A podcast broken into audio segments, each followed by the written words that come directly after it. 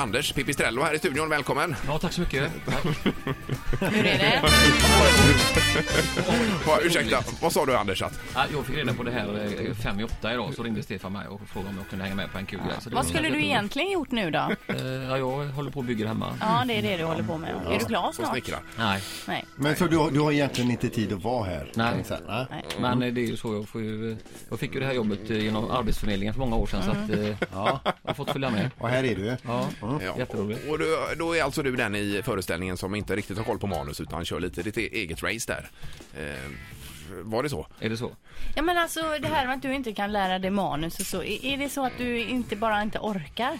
Ja, jag har för mycket annat i huvudet. Ja, Ja. Mm. typ. Skit. Ja. Ja, men, nej men jag tror inte du kan lära dig. Du kan lära dig s- enkla grejer. Enkla moment. Ja, det är, ja, det är något konstigt. Men du Anders, eh, den här, vi har en stor häst här, en käpphäst som är gigantisk alltså. Vad, vad är det här? eh, Ja, Eller det, vad? ve- det vet jag inte heller. Men den, är, den ska vara med i föreställningen i alla fall eller? Ja, Stefan går med den i bilen idag. Ja, ska Och du rida in på den kanske Pipistrello? Ja, jag har hört att de ska vara nio år. Ja. Eh, Sen den här hästen dök upp här idag.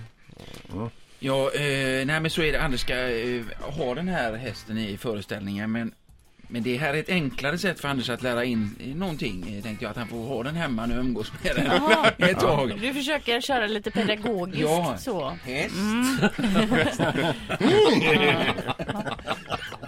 Jättebra.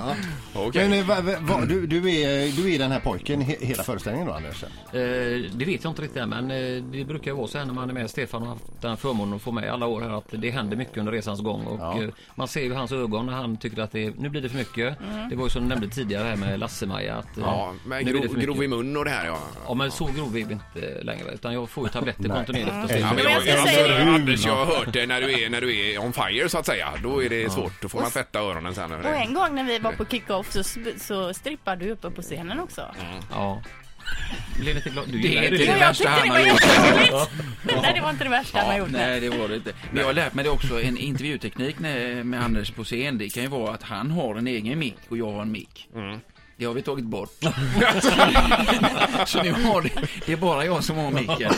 Så kan man rycka undan den om det blir för, för hett. Ja, det blir det ofta Ja, ja. det är ju, det är ju smart ja. Eh, P- Pipistrello jobbar ju alltså på eftermiddagen på trafiken och vi sa innan här att kanske du på flyen så här bara rakt av kan skälla ut någon. För du brukar göra det men jag tänkte nu bara så här på uppstuds. Ja, nu. Ja. Ja. det var bland annat att jag körde hit i i morse då eh, och så körde jag genom en- eh, Tingstadstunneln och ja. Ja, Norrgården blir det då. Då var det ju då en polack som körde över heldragen linje Nej. och det är ju inte så ki- okej tycker Nej, jag. det är inte okej. Var det så du tänkte? Ja, eller ville du lite höra så men det var inte så argt men eh, det nej. är ju Ja, jag har ju okej. sett den när du såg den. Just Just den lilla Uttrycken tjomme och flane har vi hört några gånger och idioter. Knickedick också. knickedick. Stefan är knickedick. Ja. Ja, Just det. det är lite Och- mildare. Ja, Och himlen är blå och vit alltid. alltid. Ja. Jajamän. Men alltså eh, en historia om eh, Ostindiefararen och folk runt omkring som eh, levde på den tiden. Ja, alltså det, det, egentligen, i grunden varför man håller på med det här med historia och gör den här Made in China, det är ju för att man vill lära känna dåtidens människa. Hur var, fungerade en människa på 1700-talet? Vad fick en människa att gå ut i krig och gå ut i flera år Ja. utan att veta att man kommer hem? Samma med, med, med Ostindiska kompaniet detta. Det, är ju- det var en annan form av människa vid den här tiden och det vill vi ju lyfta fram. Och sen för att få balans i det hela, det är därför vi har tillverkat en käpphäst åt Anders här som ska få agera eh, en nioårig pojk från 1745. ja. Eh, Bra, tack så hemskt mycket. Vi får återkomma till detta under hösten här, Stefan, tror jag bestämt. Vad det gäller de här bitarna. Det är Stefan Andersson och Pippi Strello nämligen. Ett poddtips från Podplay. I podden Något Kaiko garanterar östgötarna Brutti och jag, Davva, dig en stor dos skratt.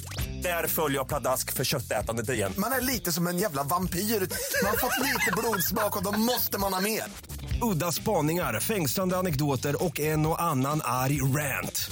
Jag måste ha mitt kaffe på morgonen för annars är jag ingen trevlig människa. Då är du ingen trevlig människa, punkt. Något Kaiko, hör du på Podplay. Därför arkadeinerna.